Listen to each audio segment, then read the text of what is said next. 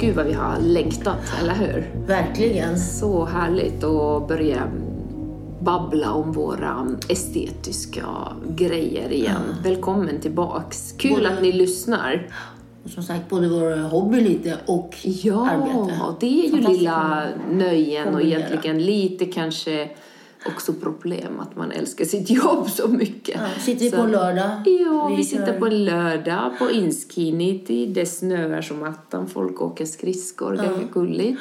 Och vi sitter här och har hårtransplantation. Vi kör hårtransplantation och vi pratar om Niptalks och eh, idag faktiskt tänkte vi ta upp en väldigt, väldigt viktig område som är eh, väldigt viktigt att tänka på att allt vi gör i, inom den här estetiska branschen innebär också risker. Vi har pratat jättemycket om livskvalitet, glädje, eh, nöjda kunder, nöjda patienter, lycka och det är egentligen tack och lov den absolut stora, stora detaljen i det vi gör. Annars skulle man aldrig orka. Men det finns också negativa sidor och det finns också risker även om de är oftast väldigt kontrollerade och väldigt få. Och det är viktigt i den här glädjen när man rusar i och vill göra någonting, komma ihåg att man, man tar det, den informationen också på allvar. Eh, så. Och redan från början, när man väljer, det är ju olika typer av ingrepp man gör. Från lite mindre injektionsbehandlingar Ja. till och med mindre kemiska peelingar, laser till då de större, Exakt. in, mer invasiva kirurgiska ingreppen. Operationer. Men vad man än gör så kan det bli komplikationer. Och det Kan, Exakt. det finns risker och alltså igen, alltid, alltid känna sig trygg med kliniken. Veta vem som är ansvarig läkare, gärna Ja. ha kontakt. Om man gör något större ingrepp så tror jag det är eller jag vet det är det absolut viktigaste att man har en, eh, ett nummer dit man kan ringa om man har gjort någonting så att man Det är jätteviktigt. inte, om någonting skulle inträffa som man inte känner igen eller att man bara är orolig. Nej, så ska man exakt. kunna nå den eh, läkaren eh, eller sköterskan så att man har direktkontakt. Nej men exakt, man måste ha möjlighet, självklart beroende på vad det ger, om det bara är en, en liten sak så kanske man inte behöver ringa mitt i natten men gör man en operation så måste man kunna nå sin kirurg eh, dygnet runt, året runt eller i alla fall sin klinik för säkerhet. Det, det tycker jag är viktigt att man, man som sagt eh, om man får, oftast handlar det om en eh, förlängd läkningstid. Det är, finns ju självklart risker med eh, riktiga skador, problem som man kan få som kan följa en till och med livet ut. Men allt det där är väldigt, väldigt, väldigt ovanligt och, och mer teoretiskt det som är i vissa fall där man känner sig ledsen är att, att man får en lång läkningstid, vilket också är eh, ovanligt, framförallt om man är frisk person, inte röker, följer instruktionerna som man får. Ofta får man allt det här skriftligen så ska man läsa noggrant vad det står. Och där sa du ju en väldigt intressant sak med rökning. Ja, Att det ja. är ju, där, där får man ju en sämre läkning. ja, och Så egentligen all nikotin. att all, ja, Nu även i. Sverige där vi använder snus så mycket så all nikotin stryper blodcirkulationen och det gör ju att alla dessa risker som vi pratar om de höjs i taket. Så att man tar en ökad risk. Även de som har varit rökare länge ser vi. Om man säger att ah, men jag slutade röka eh, ett år sedan. Eller, de har ändå någon skada i vävnaden och man ser att de läker lite sämre. Så att det brukar vi ju alltid informera att, att här i den här situationen eller den hudtypen eller så här har vi lite ökat risker för att någonting ska läka långsamt. Oftast läker det dock så att det är mer det här att man inte ska eh, bli förbannad eller, eller försvinna eller känna nu, nu orkar jag inte utan när, när saker och ting händer då är det viktigt att man kommunicerar med sin klinik och sin doktor så att man följer det behandlingsplan som är beprövat för att, eh, för att um, få saker och ting till rätta. Mm. Och vad är det då, om man då ser de här stora riskerna, om man kartlägger lite, vad är, vad är det mest, vad är det, det är fördröjd läkning, det sa du? Ja, exakt. Och det är ju, inom kirurgi så, så är ju det vanliga risker är att någonting i såret läker långsamt. Mm. Man kanske behöver en antibiotikakur. Man kanske behöver komma till kliniken tio gånger istället två gånger. Mm. Och oftast är det ju saker och ting som går att pussla sig fram och till slut så läker det.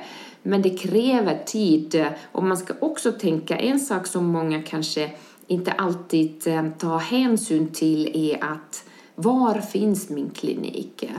Eh, många saker kanske inte finns i små städer och små ställen. Så reser man till sin klinik, eh, vilket funkar i allra, allra flesta fall hur bra som helst. Men får man en sån här läkningsprocess som blir jobbig eller långsam, då kan det bli så att man måste ta sig till sin klinik eh, många gånger och det blir kostnader med bilresa, tågresa, din tid. Det tar självklart klinikens tid också och doktorns tid men de flesta seriösa kliniker erbjuder den här hjälpen oavsett man mm. kommer dit ett eller 30 gånger. Ja, så antingen då att man har någon på plats när man bor så man har en koppling till kliniken. Exakt. Eller att man då har möjlighet att stanna några dagar när man ja. opererat sig.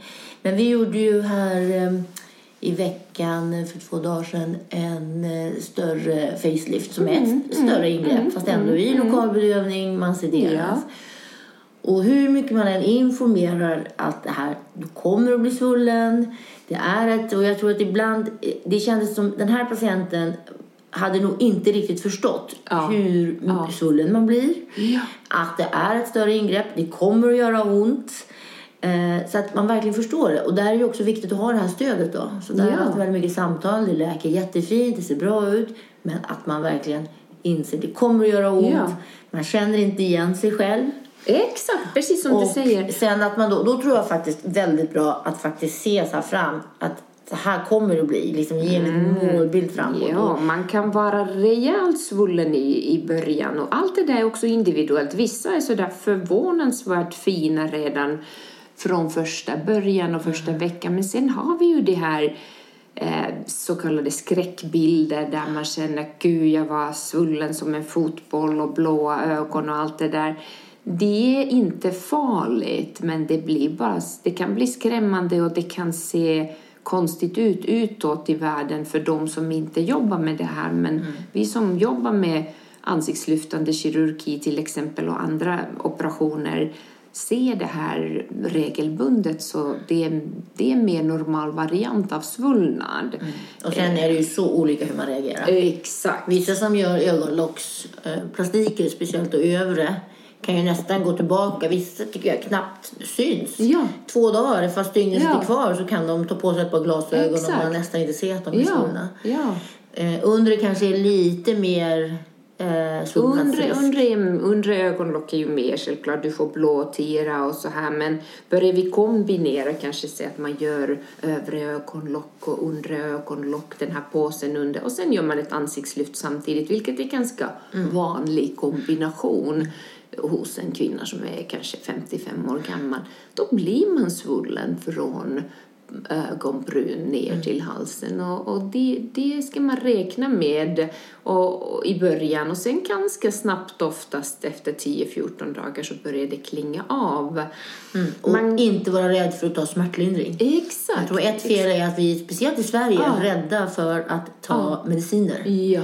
Så ja. det gäller att dämpa smärtan och liksom vara före smärtgenombrottet. Exakt, och sen kan man ju minska sådana saker som svullnad och, och, och skynda på sin läkning på relativt enkla saker som vila, kyla, om nu pratar sitta om ansiktslyft, sitta upp, sådana här saker. I, många tänker liksom, nej men det är ju hälsosamt att vara aktiv, men just vad gäller kirurgi mm. så är det ju faktiskt så att de första två veckor så oftast hämmar man läkning för att vara aktiv. Självklart man ska upp från sängen och röra sig så att blodcirkulationen fortsätter fungera. Men att börja vara hurtig och ta en lördagspromenad, mm. då hämmar man läkning för då blir man mer svullen. Både svullen och större risk för infektioner. Man Exakt. svettas kanske Ja. lite, det kommer Ja. in. Exakt, och nu på vintern kanske man halkar Mm. och rycker till och sådana saker. Så den, den första början så ska man tänka sig att man är sjuk. Sen Mm. när såret är läkt, då är det bra att successivt komma igång och göra, göra mer saker. Och det är ju när man har tagit stygnen då egentligen. Eller när tycker du att Nej men kan... exakt, exakt. När stygnen är borta då är ju såret så långt läkt att, att eh, oftast eh, ingenting kan inträffa vad gäller just den här sårläkningen. Vad Men- tycker du om R- R-läkning sen? Det är ju en fråga man får mycket. Mm, Hur gör man för bästa R-läkning? Men så- syr ni ju så, det är Ja. så fint så att det inte ska Nej, ju läka fint. Men sen är det ju Exakt. väldigt mycket hur man Nej men det säger vi alltid, vi är ju utbildade att sy på absolut det pilligaste och finaste sättet. Det är därför man heter Så du pilligaste, inte billigaste. inte billigaste. Man pillar, pillar, fin, Får jag fin, översätta finska? Nu kan du översätta mig så att alla förstår. Vi pillar, vi fixar, vi grejer så att det blir så fint som möjligt.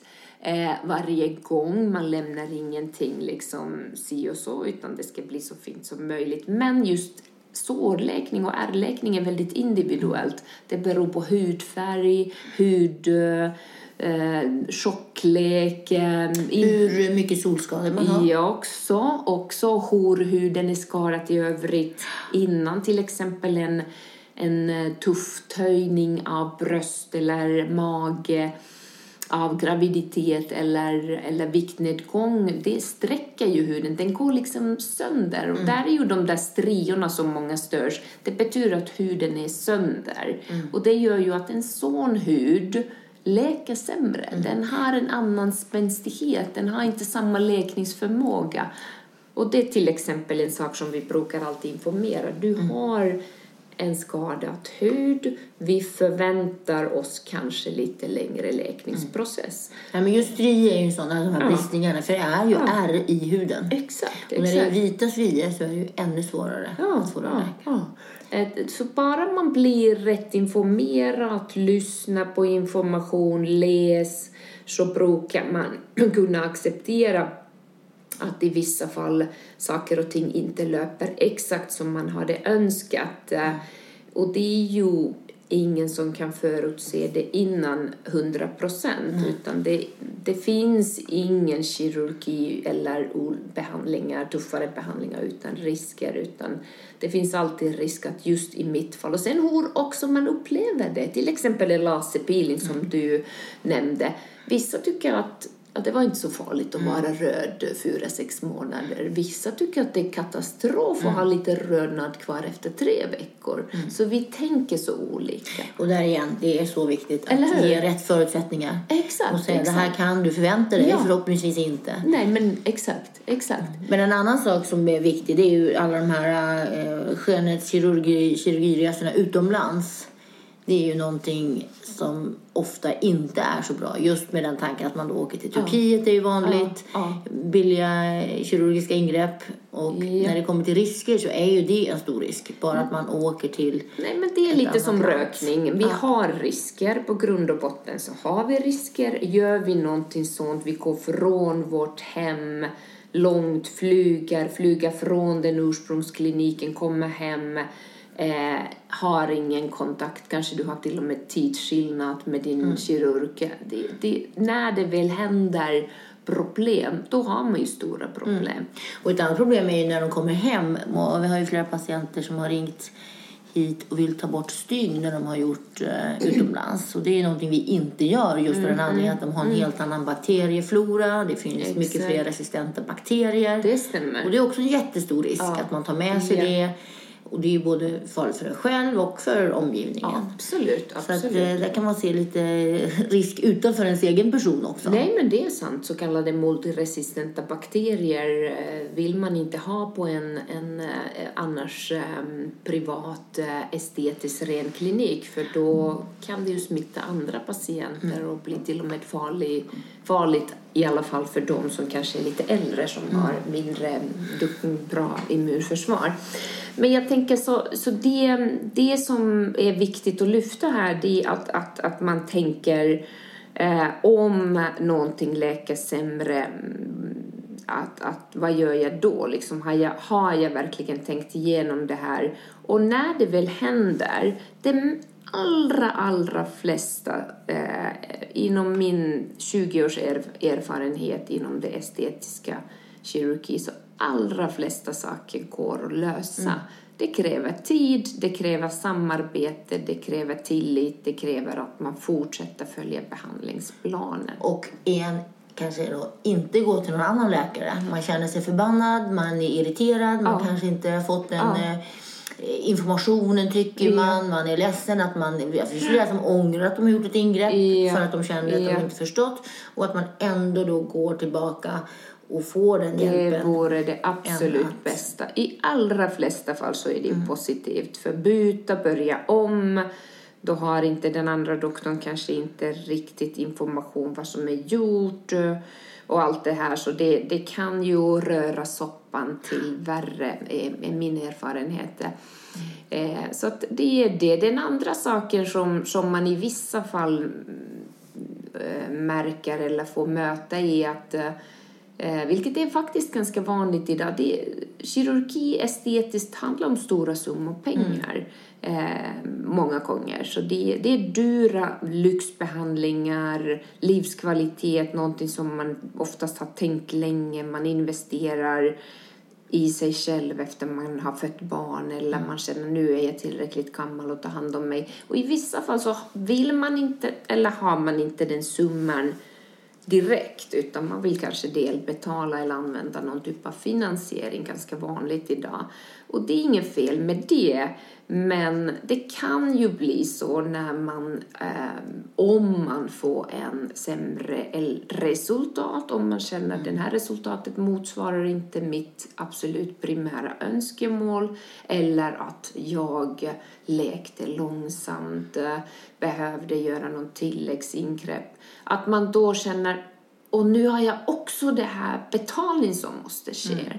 Eh, så man måste också då tänka, vill jag verkligen och, och är jag redo att ta emot den här investeringen som i allra flesta fall ger det önskat resultat eh, eller åtminstone vi kommer långt. Men i vissa fall så blir det så att man känner nej, det blev inte så tajt eller det blev inte så, så som jag tänkte.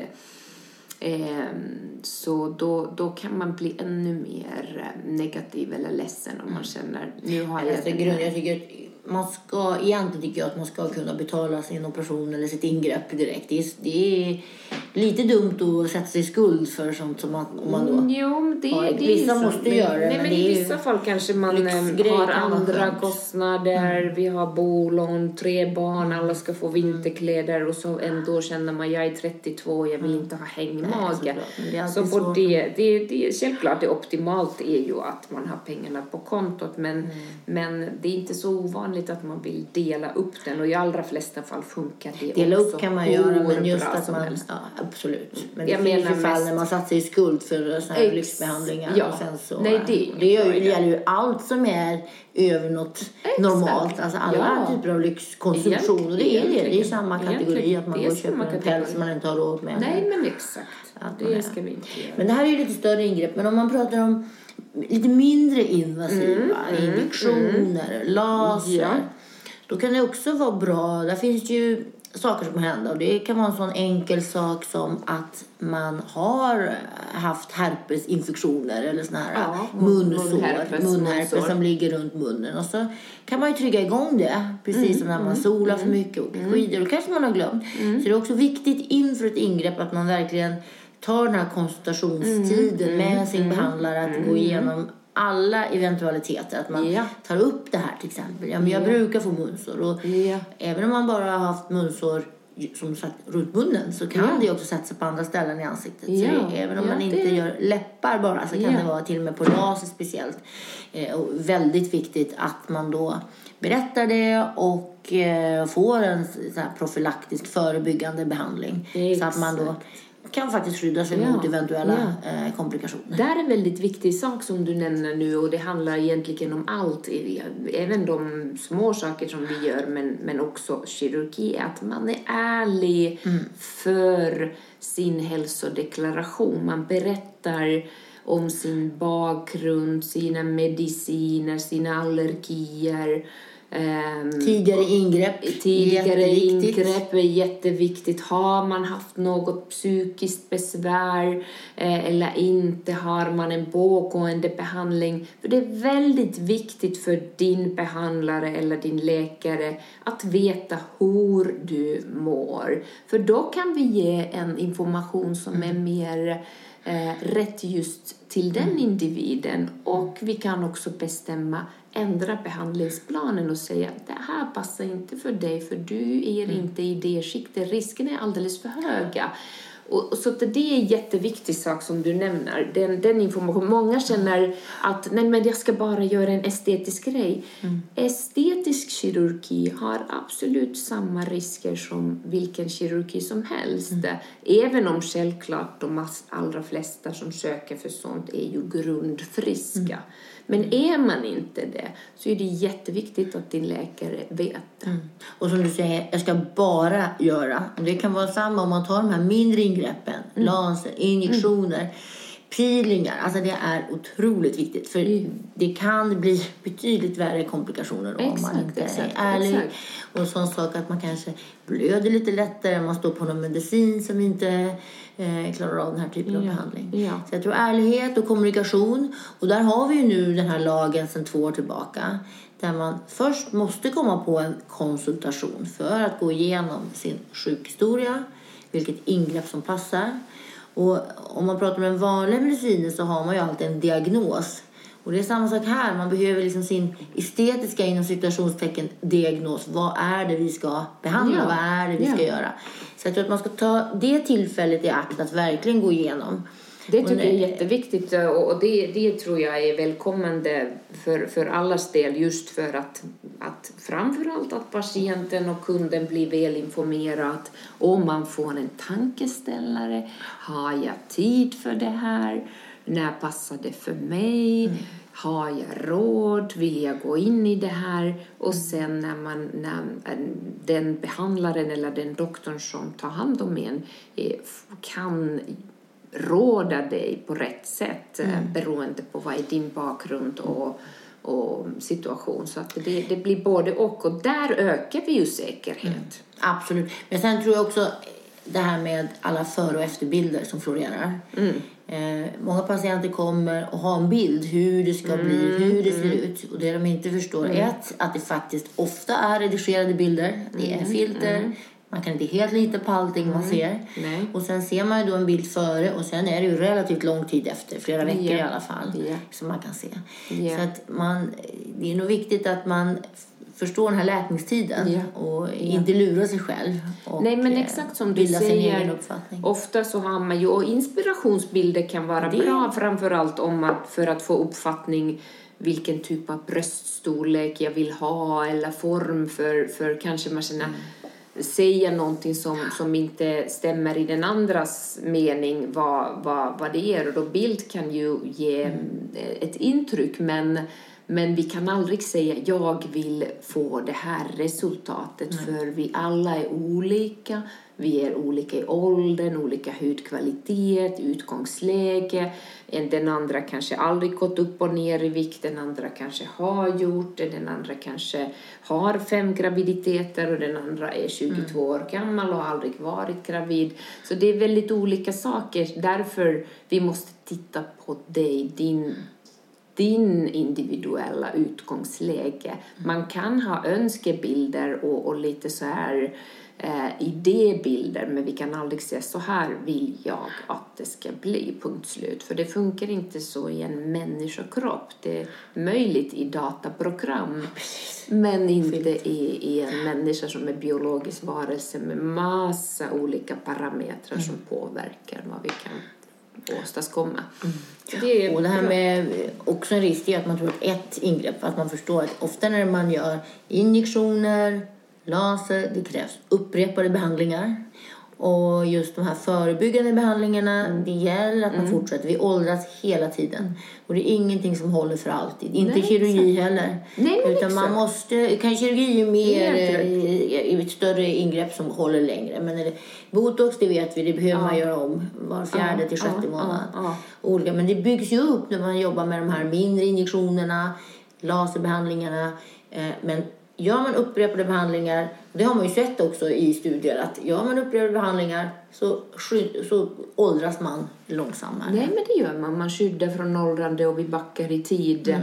Och precis som du säger, också vad gäller ansiktskirurgi så är det ju ett ingrepp är ett ingrepp och det ger en viss typ av förbättring. Det kanske inte löser hela saken för ansiktet har väldigt många detaljer.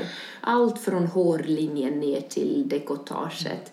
Och då kan det ju vara att just det ingrepp vi gör inte löser hela sanningen. Vi får en förbättring men det finns alltid risk att man efter ett halvår säger jag vill ha mer. Då finns ju 20 andra saker vi kan göra. Och där är ju viktigt den här konsultationen. Det är en harmoni, det är en balans, ansikte, hals, dekolletage. Allt hänger ihop. Exakt. Muskler, hud, ligament. Så att man igen har en eh, läkare man litar på. Man kan lägga upp en behandlingsplan. Vad, vad är det som krävs om man nu Ja. vill se på längre sikt? Jag tror att man behöver se över Exakt, att man lyssnar och frågar igen och är man osäker då kanske det är bra att träffas en gång till. Är man väldigt osäker då är det ju bättre vänta. Absolut. Ehm, men någonstans självklart, man är alltid nervös, framförallt om man gör behandling första gången eller kirurgi. Ehm, så, så det är inte så konstigt, men, men någonstans så ska man inte hoppa i saker. En annan sak är när, när, man en, när, när livet går vidare och det händer saker i våra liv, vilket är ganska vanligt att, att man har kanske varit gift 20 år och då har man varit kompisar sista 20, 10 år. Och då har kanske man inte tänkt så jättemycket på sin egen kropp och hur ser man ut naken och när det väl händer, vilket är inte så ovanligt idag, att man inte lever med samma partner resten av livet, då uppenbaras det här att man känner gud, nu vill jag göra någonting. Och det är normalt och det är vanligt och det är väl jätteskönt att man kan göra saker. Men man kanske inte ska hoppa i en större kirurgisk ingrepp när man väl är i den här chocktillståndet att man ska sälja villan och flytta och, och man är förbannad och man är ledsen och allt det här utan landa, få ditt liv tillbaka. Sen är det ju självklart att man vill göra de saker i allra flesta fall med tanke för, för sin egen skull men också för att man känner nu kanske jag vill känna mig bekväm i en ny relation. Att man gör det då samsat och inte som en chockbesked för då kan det bli för mycket. Mm, precis, om man är inte förberedd. Exakt, exakt. Ja, Ja, men det, men det är rika. detaljer. Mycket detaljer, mycket att tänka Ja, på. Och det är, det är alltid lite livsform. Man har aldrig gjort någonting så här. Men igen så här grunden. eh, Kom, prata, konsultera, se till att få en rätt diagnos. Vad behandlar man? Förväntningar. Och läs, sök till en renommerad klinik, sök till någon som är specialist för även de har risker. Och samma sätt där som vi pratar om nikotin och andra saker. Gör man det på en liten klinik eh, någonstans där man gör saker en gång i månaden eller av och till och eh, det finns inte samma säkerhet och uppföljning, då ökar man de riskerna. Så att, precis. det- tänk, tänk vart du vill göra dina, dina behandlingar, även behandlingar. Både behandlingar, kirurgi, nära hem. eh, Men framförallt då ett förtroende för eh, läkaren, kliniken och eh, ha kontakt, tycker jag man kan avsluta och säga. Att det alltid finns ett telefonnummer man kan ringa. Exakt, eller skicka mejl eller, eller sms eller så, så, så känner man sig oftast lugnare när man hör. Det där ser helt normalt ut. Eller nej, vi måste träffas idag även om det är lördag klockan åtta på kvällen. Men tack! Tack det var såna seriösa saker Seriöst. och tankar. Seriöst idag. Vi får gå in och fortsätta någon- med håret tror jag. Och nu ska Nu vi snacka... lunch, lunchtiden är slut. Lunchen är slut och nästa gång blir något blommigare och gulligare. Ja, och lite roligare. Det här var roligare. tungt kände jag. Ja, skriv vad ni tycker. Eh, tack för idag. Kul att ni lyssnar. Nip Talks, Anne och Rika. Ha det bra. Hejdå. Trevligt. Hej, hej.